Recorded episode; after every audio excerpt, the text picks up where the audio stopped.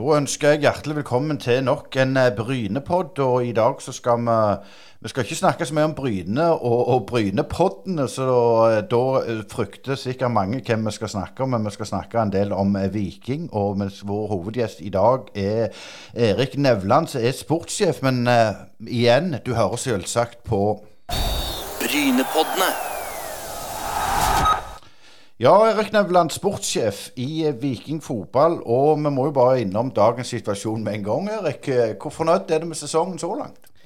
Eh, jo, jeg, jeg er relativt, relativt, godt fornøyd. Eh, vi har hatt en, en OK start på, på sesongen. Eh, dessverre så Det var litt skuffende å ikke klare å slå, slå Strømsgodset hjemme nå, nå, sist, men eh, men sånn alt i alt så, så er jeg sånn relativt fornøyd, eh, både med poengfangst og ikke minst med, med, måten vi spiller på, hvordan vi har framstått i de kampene. Selv om det har vært eh, selvfølgelig noen dårlige perioder i, i noen kamper, så, så, føler jeg at vi har vært eh, det beste laget i alle kampene vi har spilt, og det, det er jo iallfall noe. Det var ikke sånn i fjor høst, for å si det sånn? Nei, jeg husker ikke i fjor høst. Hva det, kan du minne meg på hva som skjedde da?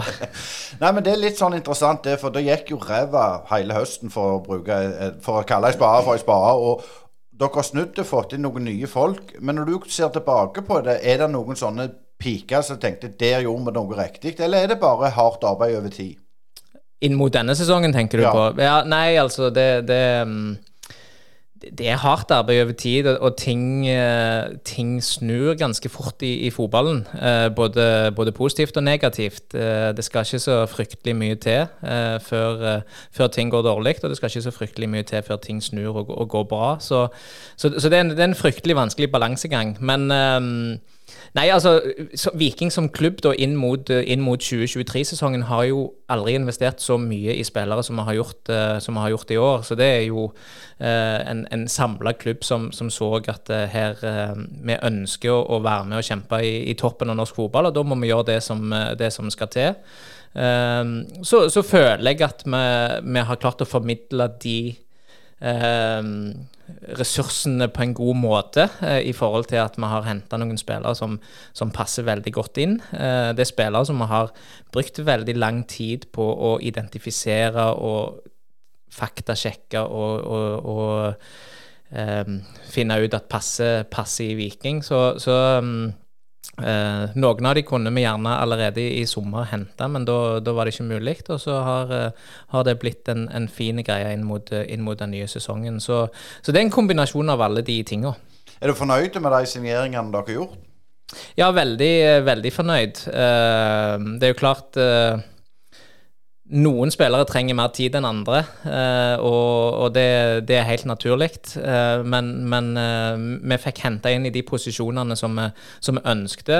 vi var veldig tydelige på at vi skulle hente en, en venstreback, en midtbanespiller og en spiss inn mot, inn, mot, denne sesongen.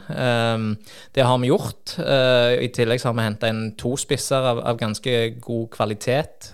så så vi har eh, veld, veldig godt fornøyd egentlig med alle fire. Alle fire har funnet seg godt til rette. Dessverre så er han uh, Urbansic, han venstrebekken som er henta fra Slovenia, uh, skada og ute, ute en stund. Så, så, det er jo selvfølgelig dumt. Men Uh, den signeringen har jo igjen gjort at Shane Patinama har, har lufta seg, uh, i og med at han fikk mer konkurranse på den plassen. Så, så det har jo hatt en effekt allerede uansett. Så, så det, det, har vært bra. Uh, men i fjor, eller tidlig i år, fikk jo du kritikk ganske voldsomt òg, at du, du henta for seint. Du, du henta jo ingenting i begynnelsen. selv Karlsbakk hjelper litt på humøret der inne. men er det vanskelig å på en måte kalle det stå i den stormen? For det er som jeg sier, det at eh, daglig leder får press, uh, gjerne hiver deg litt under bussen, eller, eller må deg få deg til å svare for dette. Det er det å holde fokus og bare fokusere på arbeidsoppgavene, for du har en plan, men du kan jo selvfølgelig ikke si alt til media det dere jobber med. Men det, har det vært vanskelig? Ja, det har vært kjempetøft. Uh, det, var, det, var, kjempetøft i, i høst spesielt. Uh, men så er det klart, inn mot, uh, inn mot en ny sesong òg, så er det jo store forventninger. Viking er en klubb som engasjerer, som har fryktelig store forventninger uh, på seg hvert år. og det, det, er tøft å stå i til tider. Og så vet jo jeg heldigvis litt mer enn en menig mann i gata når det kommer til hva vi, hva vi jobber med og hva vi tenker. Eh, så, så det, jo, det, gjør jo at jeg har vært egentlig ganske rolig på at vi kommer til å få dette til. Men det er jo klart når presse og supportere alle sier at vi må ha en ny spiller i den posisjonen, vi må ha en ny spiller i den posisjonen, så, så, så vet vi jo det. Eh, men, men, vi må på en måte holde kortet litt tett, til brystet. Det har med timing å gjøre. Det, du, du en, du går ikke og kjøper en vare her, uh, selv om det gjerne er sånn det, det føles av og til. Uh, du, det handler om mennesker. Uh, det handler om, om, klubber. altså Vi vil gjerne ha spillere, men det er jo ikke sikkert klubben vil selge. Det er ikke sikkert spilleren ønsker å komme til Viking. Det er ikke sikkert agenten ønsker at han skal gå der. Så det, det er fryktelig mange faktorer som spiller inn for at det skal klaffe. Mm. Um, og så har du et budsjett som du må forholde deg til økonomisk, dessverre. Som òg eh, gjør at dette blir, eh, blir vanskelig. Um, I forhold til, til, det å hente spill, så kan du si at hvis du er i Real Madrid, så er det gjerne 60-70-80 spillere som er gode nok til å spille for Real Madrid. Sant? Og Det gjør jo at scouting-prosessen blir mye lettere. Mens hvis du kommer til Viking eller Bryne, eller, så er det tusenvis på tusenvis av spillere som, som, er gode nok til å spille der. Så det handler jo om å kunne treffe riktig òg, og, og, ha litt is i magen. Du må ha is i magen, og du må um, Det er vanskelig. Følelsene må ikke styre det. Eh, du må prøve å holde de ut forbi, for de er en ganske dårlig rådgivere i, i den rollen jeg har. Men så er det det, så ser du Salvesen blir henta som spiss, og så skårer han vel eh, to mål, eller iallfall jeg nå husker ikke om du vet eller to, i, i, i debuten. Så er alt glemt, så alt, så er alt rosenrødt igjen. Det er veldig enkle mekanismer. Det er veldig svart-hvitt i fotballen. Uh, det er det. Og, det, og det, det, er jo litt deilig òg. Det, det, veldig kjekt når det går bra, og så er det fryktelig tungt når det går, eh, når går dårlig. Um, og det som er den, den, største utfordringen for meg i min rolle, det er jo å prøve å holde dette på det grå. Det er å prøve å holde den gylne middelvei. Ikke ta helt av når vi på en måte gjør det veldig bra, og ikke heller grave deg helt ned når, eh, når ting går dårlig. Uh, og prøve å fortsette på den med den tankegangen og den retningen som på en måte som, som, klubb har valgt. da. Det er jo på en måte min, min jobb. Og så skal jeg eh, ærlig innrømme at det har vært fryktelig tunge, tunge tider i, i, høst når vi ikke klarte å vinne fotballkamper. Eh, og så har vi hatt eh, fryktelig mange gleder når vi, når vi har vunnet kamper. Men, men, da må jeg bare spørre litt det, for hvis du spør meg, da, så ble jo du på en måte en litt syndebukk. Følte jeg da. Det er gjerne ikke sånn Men hvorfor tror du det ble sånn? Det er jo fordi at jeg er ansvarlig for det. Uh, og så, så, er det gjerne det at jeg er gjerne litt uh, kjedelig i uttalelsene uh, i, i, media. Jeg er gjerne litt, litt passiv der. Jeg føler på en måte ikke at jeg skal gå ut og, og, og si så altfor mye, i og med at som jeg sa litt tidligere, det handler om, det handler om mennesker, det vi holder på med. Så det er fryktelig lite du egentlig kan si Um, så, men, men, grunnen til det er jo at det er jeg som er ansvarlig for det. Og så jo, men hvorfor tar ikke trenerne bare Altså, Jeg syns jo de slapp billig unna. det var, altså Hvis vi er litt stygge nå, så var det jo en krisehøst. Det var, det var en krisehøst, 100 uh, men, men, jeg eh, ser det på en litt annen måte. Fra, fra mitt ståsted så ser jeg det på som, en, som et team. Altså, vi, vi, jobber jo sammen om dette her. og vi, vi vi må på en måte støtte hverandre i, i disse prosessene her. og det, det, føler jeg egentlig vi har klart i, klart i Viking. Og så vil det alltid være noen skyteskjever, og det er potensielt meg. Det kan være, det kan være trenerne. det kan Uh, til og med være daglig leder som, uh, som får uh, Eller styreleder som får, får pepperen. Men når, grunnen til at jeg har fått det, er jo at vi solgte solgte Veton Berisha. Sant? Eh, og alle tror at det er jeg som tar avgjørelsen på om vi selger han. Det er jo ikke sånn det fungerer. Eh, men eh, jeg hadde jo ikke lyst til å selge Veton, men vi måtte. Men det at du har en fantastisk karriere sjøl bak deg Vi kan jo bare nevne Manchester United, Groningen, Fulham, Viking. Det er jo ikke småklubber, det. Har den ballasten hjulpet deg i den prosessen nå? Ja, det har han definitivt. Eh, det er klart, eh, som spiller så, så opplever du jo òg både oppturene og nedturene på et eh, fryktelig stort følelsesmessig register. Og, og det, det, er klart men, men, du er ikke som spiller så kan du på en måte gjemme deg litt. Du kan gjemme deg litt bak at ja, vi er 25 mann i troppen, eller jeg er bare en liten brikke i dette. Sant? Men som, som, leder eller sportssjef så, så er du ansvarlig, uh, og det er litt, uh, litt, annerledes. Så jeg kjente jo på de få gangene jeg var, var kaptein i, i, min karriere, så så kjente jeg jo på et mye mye større ansvar når vi både vant og når vi tapte, eh, enn jeg gjorde når jeg bare satt på benken og kom inn på de siste fem minutter, f.eks. Da var det sånn ja, OK, jeg var ikke så mye jeg kunne gjort med det. Da får du liksom litt mer avstand på det. Så det er alltid hvor, eh, hvor eh, involvert du er. Uh, men, jeg, men, jeg, er helt sikker på at det å ha vært igjennom de, de mekanismene, både det å ha, ha bytta klubb og, og vært i, i, klubber der det har gått både bra og dårlig, har, eh, har vært en, en, veldig god ballast å ha i, i denne perioden. Ja, for det, Nå nevnte ikke jeg eh, Göteborg blitt bevisst, for, for, du har blitt utlånt. Det har vært litt sånn opp og ned. Det har ikke vært sånn veldig opp hele veien i den, din aktive karriere. Så du har jo smakt på, på, på noen smeller der òg. Ja, absolutt. Eh, men det er ingen fotballkarriere som bare går eh, rett til himmels. Det er gjerne én. Han kommer jo her utenfra. Eh, men på et eller annet tidspunkt så skal du ikke se vekk ifra at han òg gjerne møter på litt motgang. Så, så, det er noe alle må gjennom, og det er noe av det du ler aller mest av. Jeg syns den tida i Gøteborg var helt forferdelig, sånn som jeg hadde det der. Men jeg er helt sikker på at gjennom min karriere så har jeg lært av det og satt pris på de gangene jeg har vært til plasser der, eh, der, ting har vært bra. Eh, jeg nevnte det før vi kom på her, at jeg tror ikke folk er klar over hvor store stjerner du har i, i Groningen. Du har faktisk 95 i kamper og 43 mål i æresdivisjon. Det er jo fantastiske statistikk. Eh, og jeg ser litt på YouTube og på internetten. Du var stor, spilte bl.a. med Suárez der nede. og du må jo være stolt.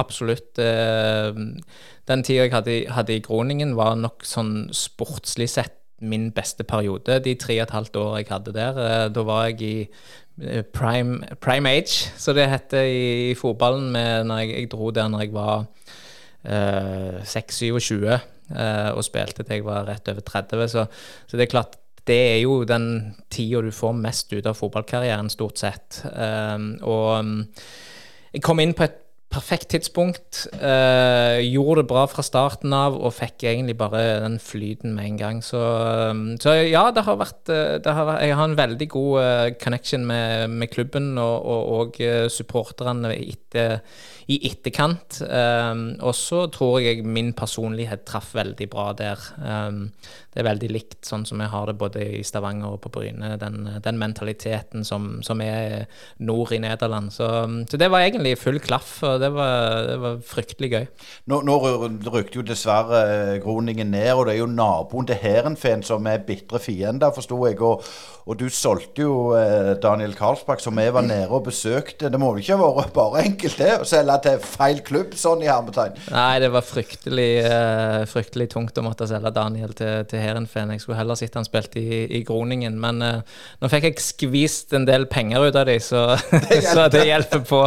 Men uh, nei da, altså, det er klart det er en stor, stor, rivalisering mellom de to klubbene og supporterne og, og alt dette her, men, men, for Daniel sin del så er det et kjempefint steg og en, en fin klubb å, å, spille i. Så, så eh, her var både selvfølgelig Viking sine interesser uh, ivaretatt, og jeg tror Daniel sine interesser uh, var veldig godt ivaretatt, og så måtte jeg legge mine følelser til side.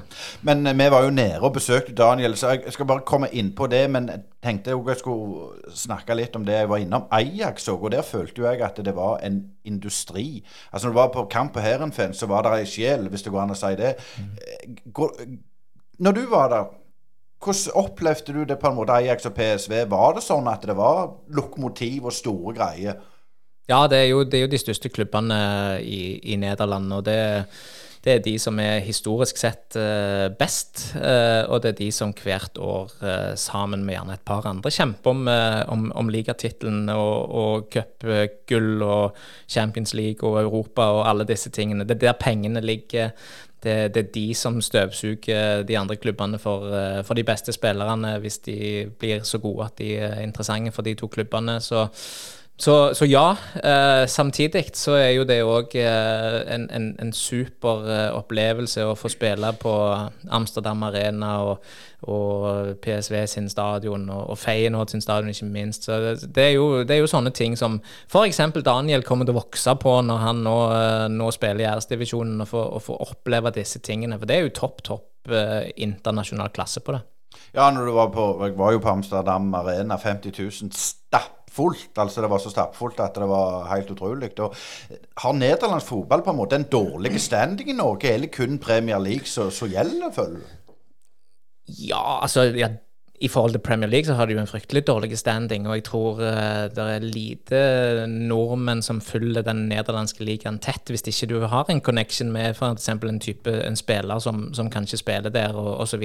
Men, men sånn på generelt grunnlag så tror jeg den nederlandske ligaen er, er, mindre sett til enn en gjerne både Bundesliga og Premier League, naturligvis. Uh, og, og, andre ligaer kanskje òg. Eh, så, så det, er jeg, ikke i tvil om. Og så er det jo en, en liga som, som, har litt av hvert. og Det er jo, det er jo ganske mange lag, og det er jo noen år så er det ganske stor forskjell på lagene som, som, er i den ligaen. Så, så men um, men det er jo en topp fem-liga i Europa, så, så, sånn sett så, så, er det jo litt rart.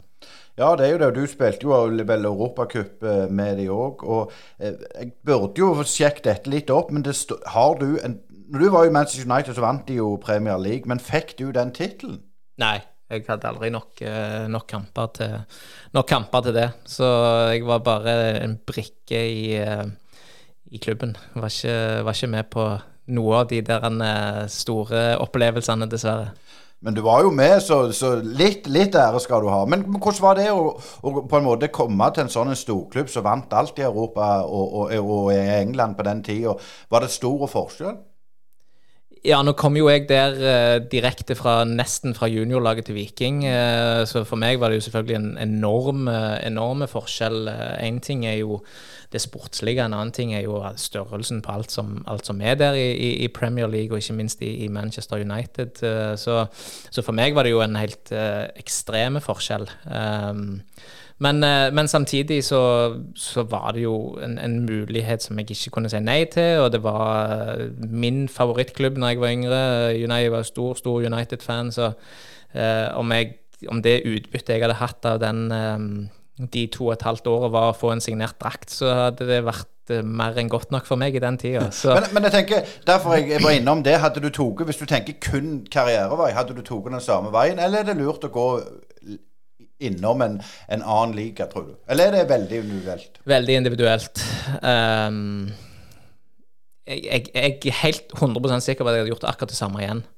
Uh, det er ikke sikkert jeg hadde fått den samme karrieren. Det kan godt være jeg hadde fått en bedre karriere. You never know, liksom. Uh, men, uh, men, jeg hadde 100% gjort, gjort, det samme igjen. Og så sitter jo jeg nå i en rolle der jeg på en måte råder unge spillere til å ikke ta for store steg for tidlig for å få den karrieren. Men jeg var aldri en sånn outstanding, og ikke noe sånn ekstremt stort talent. Jeg var ikke noe sånn uh, outstanding fotballspiller på det, på det, nivået. Så hvis jeg skulle lykkes, så var det den, den sjansen jeg hadde å komme til Manu, liksom. Um, og så, i de to og et halvt år jeg var der, så lærte jeg jo utrolig mye. Og jeg er helt sikker på at, at det er en, en, del av den utdannelsen jeg fikk som fotballspiller, at, og den karrieren jeg hadde, var jo på grunn av at jeg reiste der. Eh, du snakker jo selvfølgelig litt ned nå, som en beskjeden Siddis gjør. Eh, du, du, var i Fulham og, og hadde òg eh, en fantastisk karriere der. Men det som du sier, du skal råde unge spillere. Når vi snakket med Daniel i Heerenveen, så hadde de eh, en veldig tydelig plan på hans karrierevei. Og det har jeg savna veldig i Norge. Så hvordan er det dere jobber i Viking med det?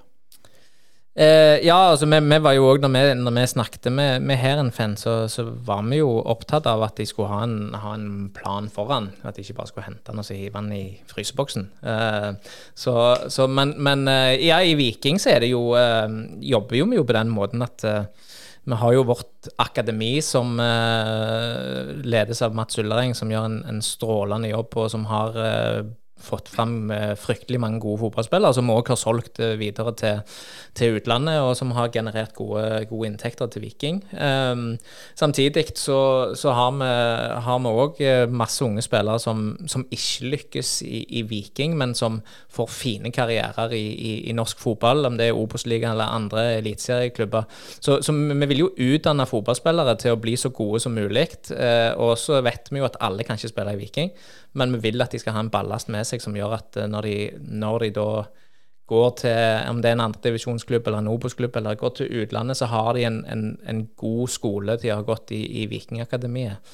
Eh, også for de som på en måte er i, i vannskorpa til å komme igjennom på et, på et A-lag, så jo, har vi jo designerte personer som følger de og legger til rette for at de skal få den mest mulig optimal eh, inngang til, til, voksenlivet og voksenfotballen. Eh, og så har vi karriereplaner på, på, spillerne våre som på en måte gir Som er ganske tøffe. Det er ganske tøffe, tøffe krav i forhold til og tøffe mål på hvor de skal være til enhver tid. Sant? Så Hvis du har en 15 år gammel spiller, så har vi en karriere, karriereplan om at eh, ok, når du er 16, så skal du spille for toerlaget vårt. Når du er 17, så skal du begynne å trene med Altså sånne ting som eh, Eller være med på hvilket som helst landslag. Eh, fordi at det skal være noe å strekke seg etter hele veien. Og så er det noen som kanskje akselererer forbi den karriereplanen, og så er det noen som tar bruker enda lengre tid enn den karriereplanen er, er satt. Eh, og så er jo det ultimate målet vårt med dette er jo at de skal spille på SR Bank Arena og være gode for Viking, sånn at vi vinner fotballkamper og kan juble foran uh, felt O uh, med, etter å ha skåret vinnermål i det 93. minutt. Det er jo de opplevelsene vi søker. Men så er det jo det at det òg er jo litt underkommunisert. For det er klart, et akademi, samme hvem sitt, så er det jo en måte å finansiere drifta på. Altså du, du, målet er jo selvfølgelig å få A-lagsspillere, men det er jo målet òg å selge dem. Absolutt. Eh, sånn, sånn, er det dessverre i Norge, at, eh, at vi, for at vi skal kunne henge med, så er vi nødt, eh, nødt til å, å, selge fotballspillere. Um, og målet vårt først og fremst er jo å utvikle fotballspillere til å spille på Viking. Og så håper vi jo at de skal bli så gode at de, vi, kan, vi, kan, selge dem videre eh, etter hvert. Og så bruker vi ganske mye penger på et akademi for at de skal få best mulig reise. Så, så det henger jo sammen, dette her. Eh, og så Samtidig så er det òg en, en, fryktelig vanskelig balansegang når du kommer inn mot et A-lag, for du vil jo alltid spille de unge lokale spillerne. Men samtidig så har du noen resultatkrav og, og krav fra omverdenen og eksternt som, som, eh, som, gjør at du må ta, ta, noen valg gjerne av og til som hvis du ikke hadde hatt de kravene på deg, så hadde du gjerne tatt andre valg. Eh, så, så det, det, er en, det, er en, fryktelig vanskelig balansegang. Men, men, Viking har vært flinke på det over lang, lang tid. og så er det alltid gjenstand for diskusjon på hvordan og, og hva form og farge det skal ha. Men uh, Mats har gjort en strålende jobb i Viking når det kommer til, til dette akademiet. og uh, Det ser vi i Det er jo et av de beste i Norge? Ja, ja altså det er jo kåra til et av de beste i Norge. Og så krever det fryktelig mye å holde det gående og få den anerkjennelsen uh, uh, i forhold til hva, hva du blir målt på. Men, men, eh, men ja, det, det, har vært, og det er eh, et av de beste i Norge. Og så må vi være på tå hev, og vi må jobbe knallhardt for at det skal fortsette å være det. Men ser du jo det, nå kom i denne uka kom disse her uh, lisenskrav, og Viking er jo i grønn sone. Sandnes Ulf er i rød, Bryne i gul. Uh, det òg, som jeg har du et godt økonomi, så får du på en måte solgt noen, du får en god økonomi. Så, sånn sett så er det jo Du er jo litt du har det jo litt greit, selv om du gjerne selvfølgelig skulle hatt mer penger å rutte med. Du får iallfall mulighet til å hente litt. Ja da. Uh, vi, eh, klager overhodet ikke på hva, hva, rammer vi har i, i, i, Norge, eller i Viking. Eh, hvis du ser i norsk målestokk, så tipper jeg med fem-seks på, på, på spillerbudsjett eller noe sånt, uten at jeg har det 100 klart for oss. Men, men men ja, eh, samtidig så kan vi hente, men samtidig òg da, så ligger det jo òg alltid krav om at vi må selge. Eh, så, så, de henger sammen, disse tingene her. Så, så eh, hvis vi hent, bare henter spillere, så betyr jo det at vi må bare selge for mer, eller motsatt. Så, så, mm. hvis vi selger for fryktelig mye, så får vi jo gjerne enda mer midler til å hente flere. Og så er det jo, er det jo sånn i, i, fotballen at uh, hvis vi tar en eh, Ja, hvis vi tar en, en, en David Brekalo, eksempel. Hvis vi på et eller annet tidspunkt skal selge han, så vet vi jo òg at vi klarer jo ikke å hente en David Brekalo tilbake igjen, eller en bedre spiller enn David Brekalo tilbake igjen. Så du må hente noe som du tror kan bli like godt. Eh, så det, det, er en, det, er en, fryktelig vanskelig balansegang. Eh, men eh, Men når du nevner Brekalo der, han er jo, han er jo for god for, for norsk eliteserie. Men sånn som det Han vil jo bli solgt sooner or later, sant? men det er å finne den beste tida. Det må jo være grele vanskelig. Det er vanskelig. Eh, det er vanskelig fordi at Det er fryktelig lett hvis jeg hadde bare fått lov å sagt at eh, sånn skal det være. For da ville jeg jo ikke solgt han. Sant? Da ville jeg jo hatt han, for han er jo en fryktelig god fotballspiller. og Hvis det ikke er noen europeiske eh, klubber som, eh, som, forstår det, så sover de i timen. Eh, så det kan vi bare håpe på. men, men poenget mitt er at her er det så mange interesser. Du har en, en David Brekkelo. Grunnen til at han kommer til Viking, er jo at han vil ta dette et, som et steg på karrierestigen, og så gå videre. Uh, og hvis du skal klare å lokke til deg disse spillerne i neste omgang igjen, så må du òg vise med handling på at du, du slipper dem på et eller annet tidspunkt. Uh, litt som Viking gjorde med, med Slatko Tripic i sin tid, når han signerte kontrakt i Obos, og når det tilbudet kom, så, så slapp de han.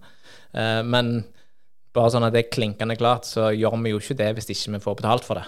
Uh, så, så, det er en sånn det, det, det er en ganske vanskelig Også timingen er alltid dårlig. Mm. alltid dårlig når du selger spillere, for de er som regel gode. Men hvis vi ser litt, litt videre nå med, med Viking, hvor, hvor, hvor, langt tror du dere kan dra det i år? I år? Uh, jeg tror ikke det er så noen begrensninger for oss. Um, men, men det, du, du, må jo ta det sånn halvårssykluser, litt sånn som så, sånn så i fjor. Eh, men, men, alt etter hva som skjer i sommer, eh, både på inn- og utsida. Men, men eh, den troppen vi har i dag, mener jeg er mer enn god nok til å kjempe helt i toppen i norsk fotball. Og så vet jo jeg òg at vi har Molde og vi har Bodø-Glimt, som, som jo er de to klubbene som på en måte skiller seg litt ut, hvis vi kan si det. Um, så, så, jeg mener jo at vi skal kunne være med å kjempe der oppe uh, i, i, toppen av, av norsk fotball. Det, det, er et uttalt mål. Og så er det òg uh, absolutt mulig med den spillertroppen vi har. Og ikke glem hvilken podkast du hører på. Du hører nå på Brynepoddene. En uavhengig og litt dypere podkast som gir deg lyden av ekte sport. Vi har studio på Bryne og herifra sender vi deg motstemmen til den overflatiske og klikkorienterte sportsjournalistikken. Gå inn og se i vår nettbutikk på Bryne Paddene med dobbel a, punktum. Og følg oss i sosiale medier. Nå var jeg å overvære eh, Eigersund mot Arendal på søndag, og der var det en fryktelig eh, skade på Eigersund-keeper Anders eh, Klemensson. Og eh, vi har eh, vært litt i kontakt med ham. Han er operert på mandag, og det ser ganske greit ut. Han er med godt mot sjøl, iallfall. Og jeg sa jeg skulle ha deg, Erik, i, i, som gjest, og han hadde faktisk lyst til å spørre deg om noe. Hva, var det noen keeperne gjorde når du var aktiv, som gjorde at du syntes det var vanskelig og så utfordrende å spille mot? Først og fremst så vil jeg ønske en uh, god bedring, for det var fryktelig, uh, fryktelig trist når, når, sånne ting skjer i, i fotballen. Men uh, jeg er helt sikker på at han kommer, kommer, sterkere tilbake igjen på et eller annet tidspunkt. Um, og så til spørsmålet. jeg tenker at når jeg, var, når jeg spilte, så, så, var jeg ikke så veldig opptatt av keeperne når jeg, eh, hvis jeg kom alene med dem. Da hadde jeg på en måte mine teknikker som gjorde at jeg på en måte stengte det, stengte det ute. Uh, så uh, jeg, kan ikke tenke på noe som, uh, som jeg kan komme på som gjorde at de gjorde det vanskeligere for meg. Men, men, det var jo selvfølgelig fryktelig frustrerende når du spilte mot keepere som var gode, og når du følte at du hadde gjort uh, hatt ei kjempebra avslutning, eller truffet akkurat der du, uh, der du ville, og så redda de. Det, det, var jo selvfølgelig fryktelig irriterende. men, men bortsett fra det så, så jeg mer, hadde jeg mer fokus på, på det som jeg gjorde, enn hva keeperen gjorde. Men tror du det har endra seg? For det, akkurat det der er litt interessant. For jeg føler nå at eh, du ser det på straffekonk. De får på en måte beskjed underveis at han går og legger seg tidlig, han står osv. osv. Har det endra seg, tror du? Ja, det tror jeg 100 eh, nå, der, nå, blir du analysert opp og ned og i mente. Vi vet egentlig hva, hvor mange ganger spilleren slår med høyrefoten, og hvor mange ganger han slår med venstrefoten, og hvor mange ganger han redder med høyre hansken og venstre hansken. Altså, du vet alt om alle nå. Det er fryktelig lite hemmeligheter. Um, så, så, det er klart at det, det var jo så nøye var jo ikke med i når jeg spilte, i forhold til Vi hadde analyser og så videre og så på spilleren, men vi var jo ikke så nøye på det. Så, så det, kan, det, kan, fort ha endra seg uh, i, i, nyere tid, ja. Det tror jeg. Du bare setter den i mål, du? Ja, og så, tror jeg gjerne ikke jeg var Jeg var jo ikke, jeg var jo ikke sånn super god som hadde så god kontroll at jeg kunne gjøre akkurat som jeg ville. Så jeg måtte på en måte finne mine, mine måter å, å, gjøre det på. Det funka, det funka for meg, og jeg hadde noen avslutningsteknikker som jeg, som jeg brukte nesten uh, hele veien. Uh, og det gikk som regel uh, noen ganger bra, og så gikk det, bomma jeg en hel del òg, så men, men, det som er litt interessant med deg, Erik, du, du er veldig sånn tilbakeholden med den karrieren. og Ordet cocky det tror jeg ikke eksisterer i vokabularet ditt. Men når du, når du, skulle finne deg eh, Skulle du finne deg en make og kjerring, så, så, reiste du til Kvitsøy. Og jeg har en kollega som er Kvitsøy, og en annen kollega som stammer fra, fra Kvitsøy. Og, og, der er det mye løye. På Kvitsøy, ja. ja mye løye og så mye fint. Nei, men tror du litt det at, at, at vi er fra, fra vest her, at, at, vi er litt sånn um, litt tilbake på, på, på egen karriere, sånn som du òg gjør? For det, det, er klart, det er ikke mange i Norge som har en sånn rekord som du har. Nei, altså, jeg, jeg, tror Selvfølgelig så har det med hvor du kommer fra. Det, det, er jeg helt sikker på at det har. Uh, det har med hva, hva, slags oppvekst du har hatt. Uh, det har med at jeg var gjerne litt mer cocky når jeg var 22-23. Nå begynner jeg jo å få en betydelig alder her som gjør at jeg får reflektert ganske mye over på hvordan hvordan var det egentlig, dette her som jeg var med på? Og jeg er enormt takknemlig for, eh, for alt jeg har fått opplevd, og jeg har jobba sykt hardt for det.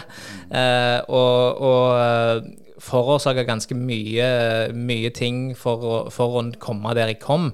Eh, og når jeg sier at jeg ikke er sånn, sånn, var sånn supergod, så, så, var jeg en god fotballspiller. Jeg, var, jeg, fikk en fryktelig fin karriere, men nå er liksom lista er satt så fryktelig høyt nå. Du ser på Erling og, og Martin Ødegaard og de spillerne som spiller nå. Det er et så høy, sinnssykt høyt nivå at jeg nådde det ikke til anklene engang. Så det er litt sånn Men, men allikevel så fikk jeg opplevd ganske mye, og jeg, det jeg fikk oppleve, det tror jeg Uh, mye var fordi at jeg var en bra fotballspiller, men òg mye fordi at jeg var den jeg er.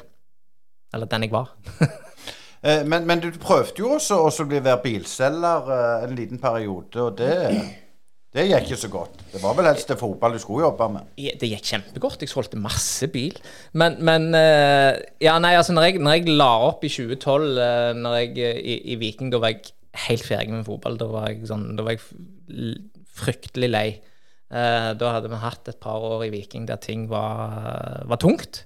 Eh, og, det, og, det, var ikke noe gøy lenger. Eh, og det var jo grunnen til at jeg la òg. Og da, da, måtte jeg gjøre noe annet enn en fotball.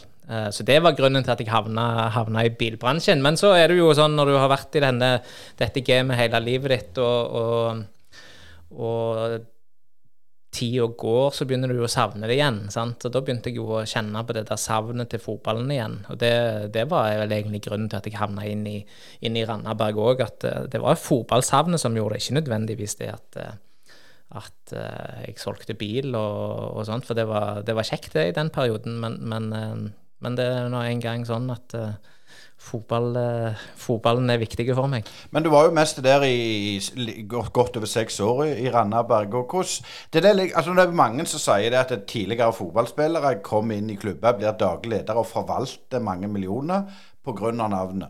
Eh, hvordan føler du det i norsk fotball nå? Altså, nå er du, du en jobb der på jeg, jeg føler jo at den, I høst så var det mange som sa det. Ja, men han har fått jobben for han har spilt der, han har vært proff. Det kan godt være det.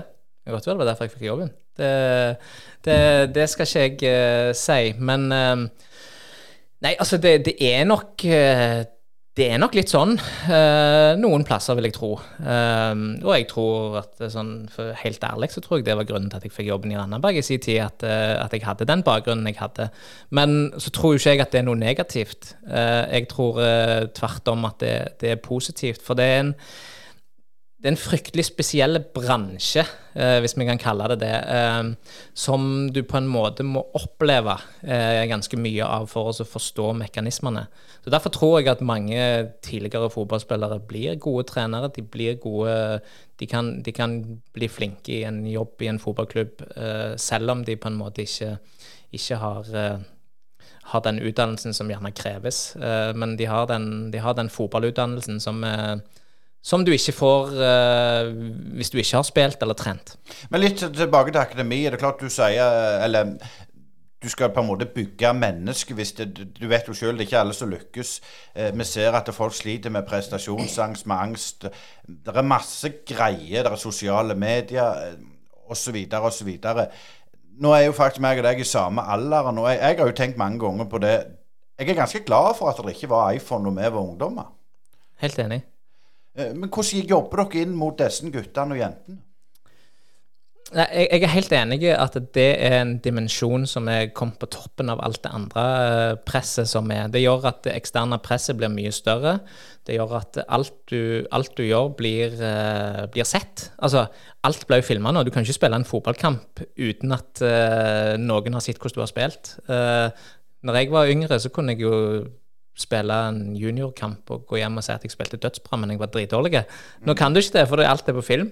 Uh, men, men, det er en dimensjon som gjør, uh, gjør det vanskelig uh, for de som spiller på både toppnivå, og de som har lyst til å, å, begynne å spille på toppnivå.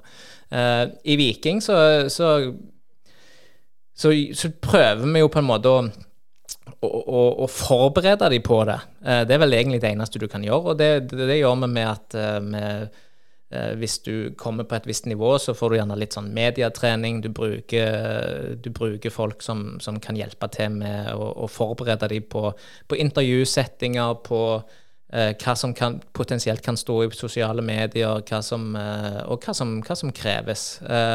Samtidig så har vi òg medisinsk apparat som, som, fyller de opp. Vi har eh, mental trener de kan eh, benytte seg av eh, hvis, de, eh, hvis, de, føler for det.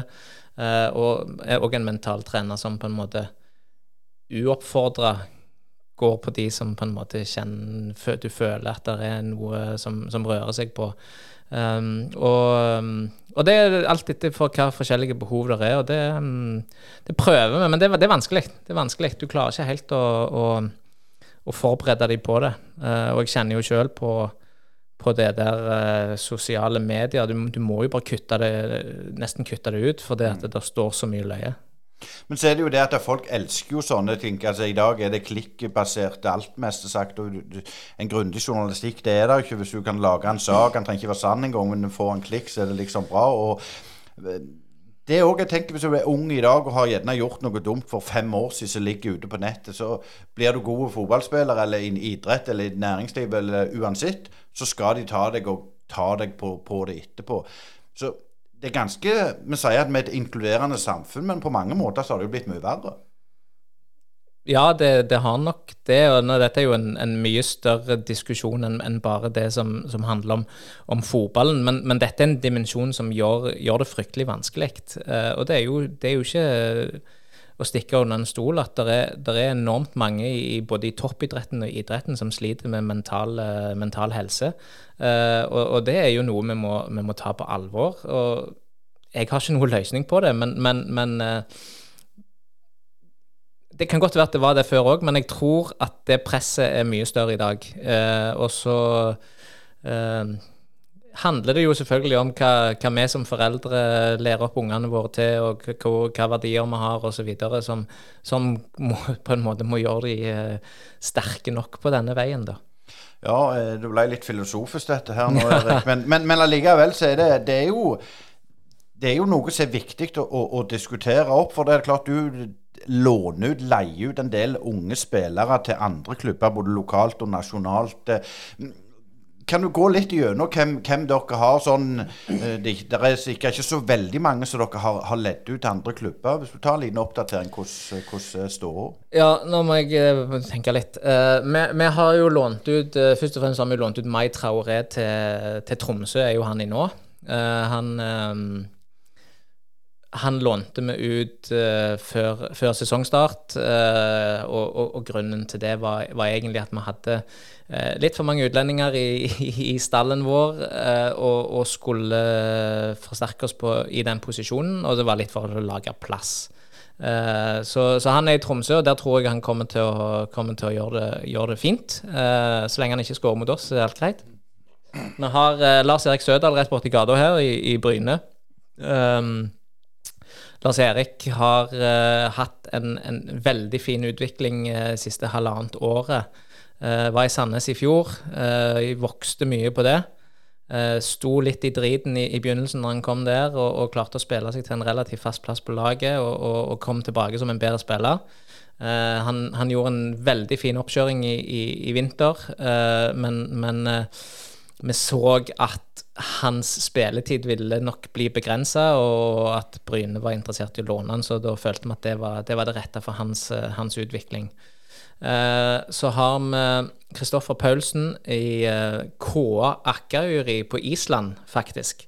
Kristoffer òg er litt i, litt i samme situasjon. Dette er hans første utlån. Eh, det er til utlandet, det er til Island. Eh, en, en gudsforlatte plass eh, på vulkanøya.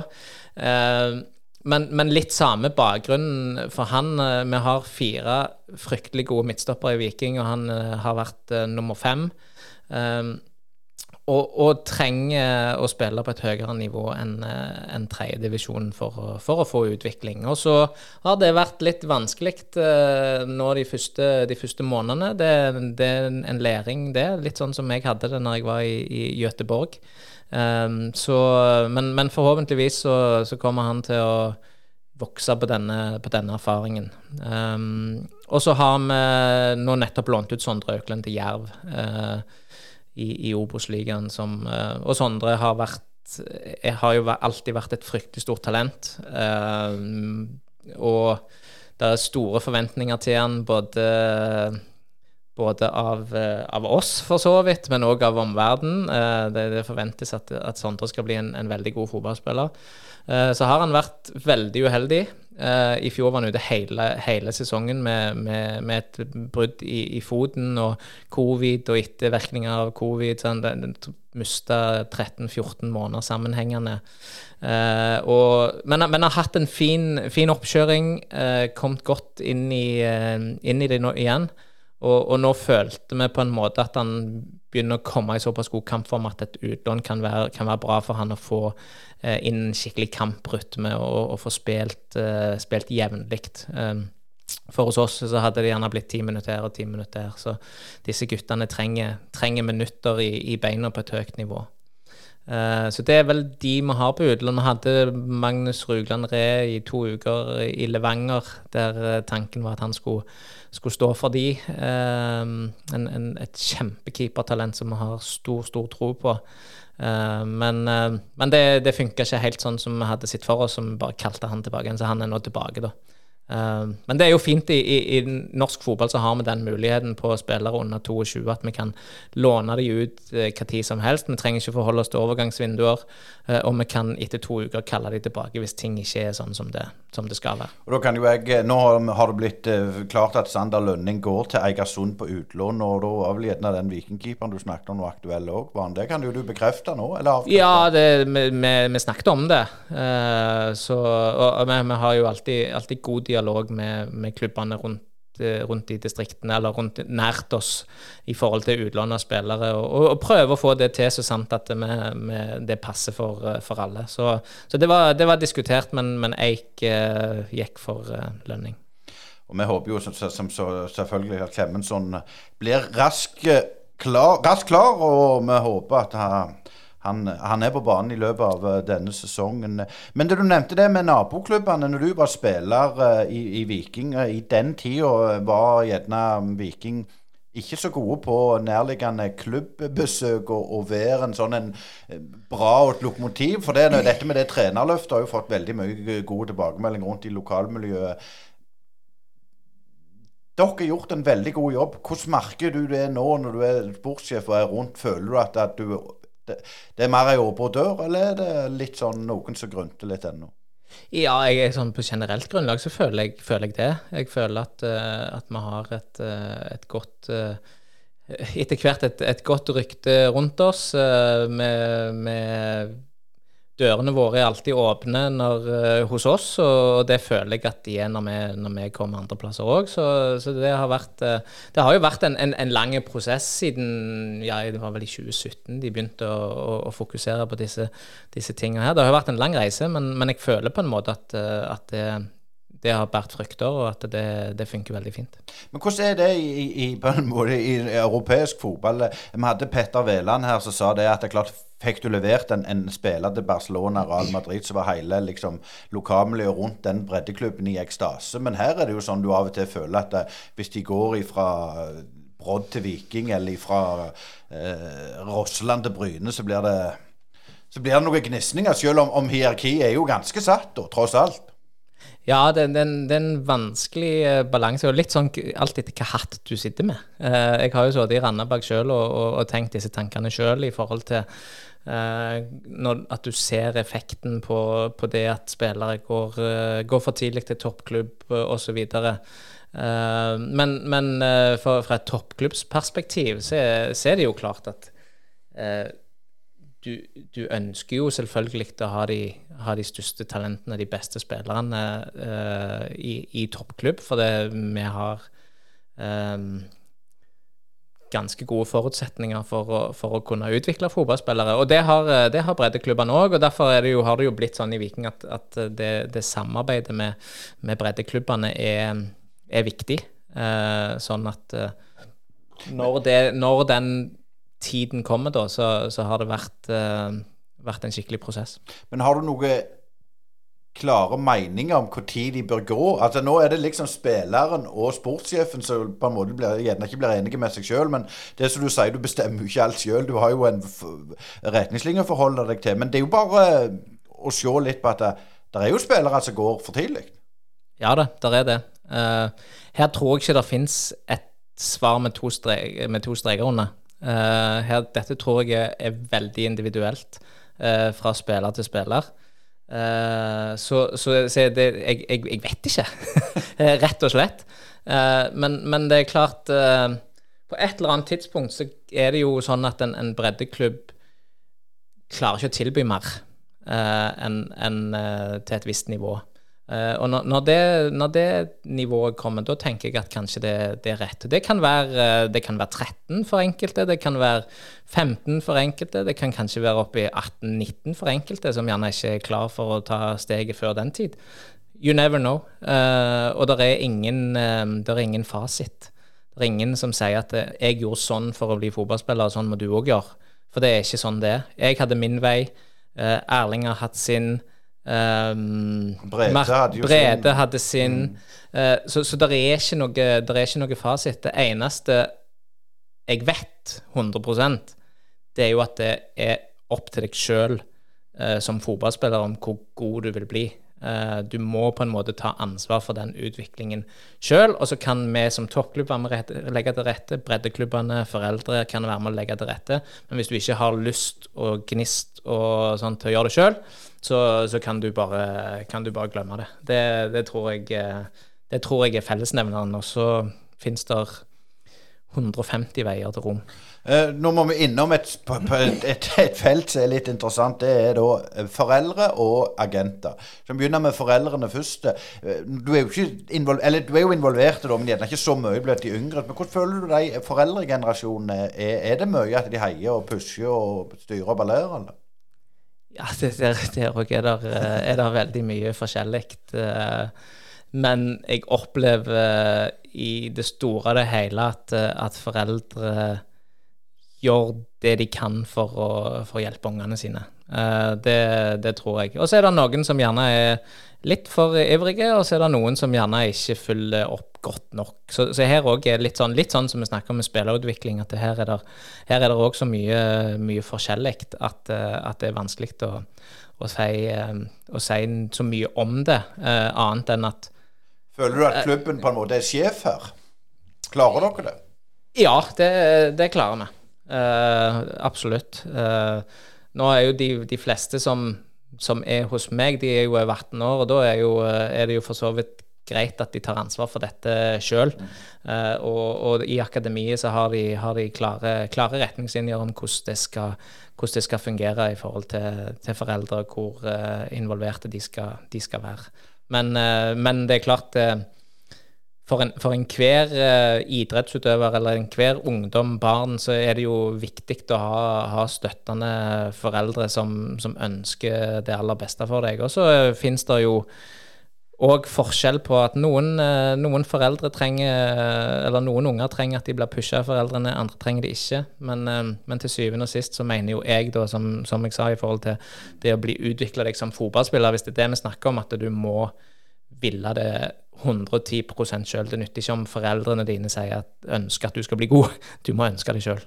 Den YouTube-generasjonen som vi har sagt litt om i, i Brynepoddene, ser du litt av det på, på, på, på, på matte òg?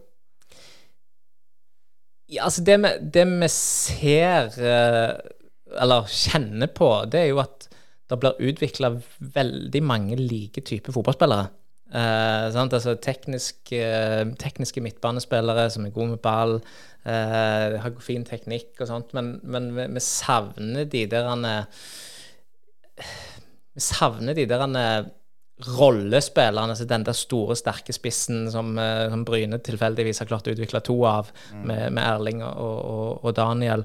Det var jo det som var fryktelig interessant for oss med, med Daniel. Det var jo at han hadde den, den uh, setupen og den ramma som han hadde i forhold til, til, å være spiss og kunne utvikle seg. Og det, det er litt sånn det, det, ser du jo litt, og det kan gjerne være litt av denne YouTube-generasjonen. At de alle syns det er veldig, veldig kjekt å, å, å kunne masse triks ja. og, og, og, teknikk og, alt dette her, mens det er hvor er han som kan springe opp og ned sida i 95 minutter og slå noen gode innlegg, eh, og gjerne har steintouch sant, som kan utvikles. Men, eh, det, så det er jo litt interessant å se av og til. Men eh, det er bare en sånn følelse jeg sjøl sitter med, da, uten at jeg har noen fasit på det heller. Skulle til å si Gunnar Aase, men det var vel stort sett bare 45 minutter. Ja, det er sant. Men hvor, hvor er den høyrefoten til Gunnar Aase i dagens ungdom, liksom? sant? Du, du ser ikke den så, så mye lenger. Men vi skulle gjerne hatt det i kombinasjon med at han kunne gått opp og ned. Gunnar gjorde vel ingenting defensivt, gjorde han det? Er det litt problemet til, til, til akademiet òg, at det blir så likt? Cato Hansen var jo i akademiet til Bodø-Glimt, sa jo det at han hadde vært der noen år, så var det liksom Så, så de lærerne gjorde før, de bare snudde pensum, og så var det på han igjen. Er det faren der, som du sier, at det blir for sterilt? Hvis du ser veldig stort på det, da. Ja, det kan det, kan det være. Uh, her er jeg uh, på dypt vann, uh, for å være helt ærlig. uten at, Og jeg kan ikke, jeg kan ikke si verken det ene eller det andre. Men, men, men det, kan, det, kan, godt være. jeg er jo litt sånn Jeg kunne godt tenkt meg å si at den de, de, typiske rollespillerne kom inn tidligere og fikk utvikla seg i de rollene. Men, men samtidig så er det som sagt flere veier. Må jo innom dette med agenter, for det er jo òg eh, interessant. Du, du styrer eh, dine egne spillere stort sett, men agentene de klarer du ikke å styre. Og hvordan eh, der er det jo, har jeg jo forstått at Fifa har kommet noen krav, så gud og hver man kan ikke bli agent som gjerne kunne tidligere. Og det er jo vel og bra, det, er sikkert. Men hvordan er det du jobber inn mot agenter? Er det, er det et greit og oversiktlig marked, eller er det sånn Bjarne Berntsen sa jo det i Sandnes Ulf, når de fikk jo hagla jo inn med mail om den nye Messo som kom fra Sviland. ja, ja. ja, nei, der er, der er, enormt mye Der er enormt mye agenter. Um, der er um, veldig mange flinke agenter, og så er det veldig mange dårlige, og så er det enormt mange useriøse. Um, og det er jo, så du er inne på, at det kommer jo nye, nye regler for agenter nå, der de må på en måte ta en uh, lisens, uh, som gjør at uh, at de, har, de, kan regelverket og kan, uh, kan, disse tingene her. Samtidig så kommer det òg begrensninger i forhold til hvor mye prosenter av en overgang en, en agent kan, kan få. Uh, det betyr jo ikke at alle kan jo bli agenter for det, men du må ta denne, må ta denne eksamen og den lisensen. Og Hvis du ikke gjør det, så, så får du ikke operere i, i Fifa i hele verden, uh, egentlig. Og det tror jeg kan, kan hjelpe å sile ut mange av disse her eh, useriøse agentene som kjenner en som kjenner en som har en god spiller. Uh, for de er det fryktelig mange av. Men, uh, men på generelt grunnlag uh, så, så, føler jeg at vi har veldig mange flinke agenter i, i Norge. Det er en seriøs Det er seriøse folk som, som jobber hardt for, for å få det beste ut av situasjonen for både spillere og seg sjøl, selv, selvfølgelig. Uh, så, så, jeg, så, jeg, er ikke så, negativ til agenter. Men, men det, det, handler om, det, handler jo om, dialog. Uh, det handler jo om å finne kompromisser, og det handler jo om å være, være ordentlige overfor hverandre. Så, så går det veldig fint. Er det noen få du vil jobbe med, eller er det sånn at du endrer det litt? For jeg har forstått det er litt ulikt fra klubb til klubb, men at det, de fleste gjerne har fire-fem som de sier og stoler på, og har vist at de kan levere når de blir spurt om det. Er det sånn som dere òg? Kommer litt an på hvordan du jobber. Eh, hvis du jobber og er avhengig av at agentene spiller inn eh, navner til deg for at du skal kunne signere spillere i de forskjellige posisjonene, så, så er du avhengig av det. Uh, hvis, uh, hvis, du jobber på å, det å identifisere spilleren først, og så se hva agentene har, så, uh, så, blir det en annen greie. For da er det spilleren som er i fokus, og så bruker du den agenten som spilleren har, for det må du på en måte, det må du jo på en måte gjøre. Um, så det kan av og til være, være, vanskelig å faktisk finne ut hvem som er agenten til noen spillere. det har vi opplevd. men så er det òg noen agenter som du som du samarbeider ganske tett med, som du på en måte har eh, Som du stoler på, da, eh, og som har levert eh, for deg tidligere. Nå nevnte jo det med, med denne ulykksalige Klemensson i, i Egersund. Sander Lønning går i, fra lån fra Sandnes, og da er det jo sånn at da må de ha inn en ny, og så blir det sånn voldsomme dominoeffekt. Og da virker det som vi som står ut forbi og ser at det ser av og til voldsomt tilfeldig ut hva som skjer. Det kan være det, uh, av og til. Uh, men jeg tror det ser mer tilfeldig ut enn det egentlig er. Uh, for du må huske på at vi som, som, jobber med dette, vi, full, vi, ser jo ganske mye fotball. Vi, følger, vi kjenner ganske mange navn, vi kjenner ganske mange agenter. og sånt, så, så, du har jo på en måte sett de fleste spillerne, iallfall i, i Eliteserien, Obos-ligaen og kanskje andre divisjon òg i, i, i, Norge, så, så, har du et veldig, veldig godt bilde av hva som kan være interessant for deg. Og hvis det da plutselig dukker opp, så kan det være at du må gjerne ta en kjapp avgjørelse og si at ok, her, han her har vi jo på en måte fulgt ganske lenge, men det er ikke en vi hadde henta hvis ikke han hadde kommet, hvis du skjønner. Mm, mm. Uh, det, det, kan skje, men, uh, men uh, jeg tror nok det ser mye mer tilfeldig ut fra utsida enn det egentlig er. Uh, Tida går i godt lag, Erik. Men du hadde jo Rune Hauge som agent uh, når du var og herja rundt. og Han er vel emigrert, skulle jeg til å si, men han er vel han er vel still going strong. Men litt dette med landslaget. Du har selvfølgelig mange landskamper sjøl. Åtte på A-landslag og en haug med yngres landslag. Men jeg lurer litt på disse spillerne som du har som over 18 år. Hvor tett dialog har du med landslagsledelsen og fotballforbundet på det? Eh, jeg har ikke så, har ikke så mye dialog der. Det er det, det, er det mest uh, trenerne som tar seg av, egentlig, uh, i forhold til trenerne som snakker seg imellom, stort sett. Og, og, når det kommer til de yngre spillerne våre, så er det, så er det på en måte utviklingsleder og, og de toppspillerutviklerne som, som, har den tetteste dialogen med, med de på, på landslaget. 2001 cupgull for Viking 3-0 mot Bryne. Det var vel en av de tøffeste og kjekkeste opplevelsene for, for, for din del, Erik. Eh, du har òg vært med og slått ut Chelsea. og Hva er det du største du har opplevd for fotballbanen? Det er vel vanskelig å bare si én hendelse? Ja, det er vanskelig å si en hendelse. Og du nevner jo to, eh, to her som betyr eh, veldig mye for meg. Det, det betydde enormt mye for meg å vinne vinne cupen med Viking. Og den største drømmen jeg har hatt i hele mitt liv, er jo å vinne serien med Viking på et eller annet nivå. Eh, så, så det, betydde, det, betydde, enormt mye for meg. Og eh, at vi slo Bryne, gjorde det jo egentlig bare enda bedre. eh, så, så det, var, det, var, stort. Og så, ja, så har det vært, det har vært mye, mye stort, altså. Så det ultimate sånn Uh, som, som, jeg har oppnådd, det er vel egentlig å få spille en europacupfinale med Fulham uh, i, uh, i, i, 2010. Uh, det er jo sånn i forhold til hva jeg hadde trodd jeg skulle få oppleve eller ikke, så, så var det definit, definit, definitivt en av de tingene jeg ikke trodde jeg skulle få oppleve i løpet av en karriere. Så, så det var jo òg stort, men det, jeg, jeg, kan ikke bare plukke inn. når jeg begynner å snakke om det, så kommer det så mye. Videre da, Erik. Har du lyst til å bli manager? Har du lyst til å jobbe i fotballen? Eller du skal jo ikke si at du ikke har lyst til å jobbe i Viking, for der trives du selvfølgelig. Men er det noen drømmer på fotball innen idretten som du har tenkt å gjøre? Før? Nei, jeg, jeg, har ikke noe sånt. Det er ikke sånn at jeg uh, sitter og drømmer om å bli uh, manager eller sportssjef i en av de største klubbene i Europa. Det, det er det ikke. Jeg um, har det enormt bra i Viking, og Viking betyr enormt mye for meg. Så det, det, jeg føler på en måte at jeg er der uh, som uh, jeg aldri hadde trodd jeg skulle være i forhold til den rollen jeg har i dag. Og så er det egentlig den, den, største Det som jeg har lært, er at i fotballen kan du aldri se fryktelig langt fram i tid. så, så jeg ser nå fram til søndag når vi skal spille mot Sandefjord, og så går, det, går dagene sånn, og så vet du ikke plutselig vet du ikke hvor det ender henne. Men uh, hvis det kan være i Viking uh, i lang, lang tid og være med og oppleve, som jeg sa, et seriegull eller enda mer suksess med, med Viking, så er jo det egentlig det jeg drømmer mest om. Du må ikke glemme å ha litt uh, påskeutferd til Kvitsøy, da? Nei, det, det, prøver jeg å ta ta når jeg får tid. Så det, der trives vi veldig godt. Så der uh, håper jeg at jeg kan reise ofte.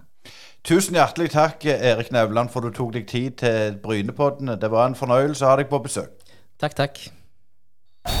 Brynepoddene.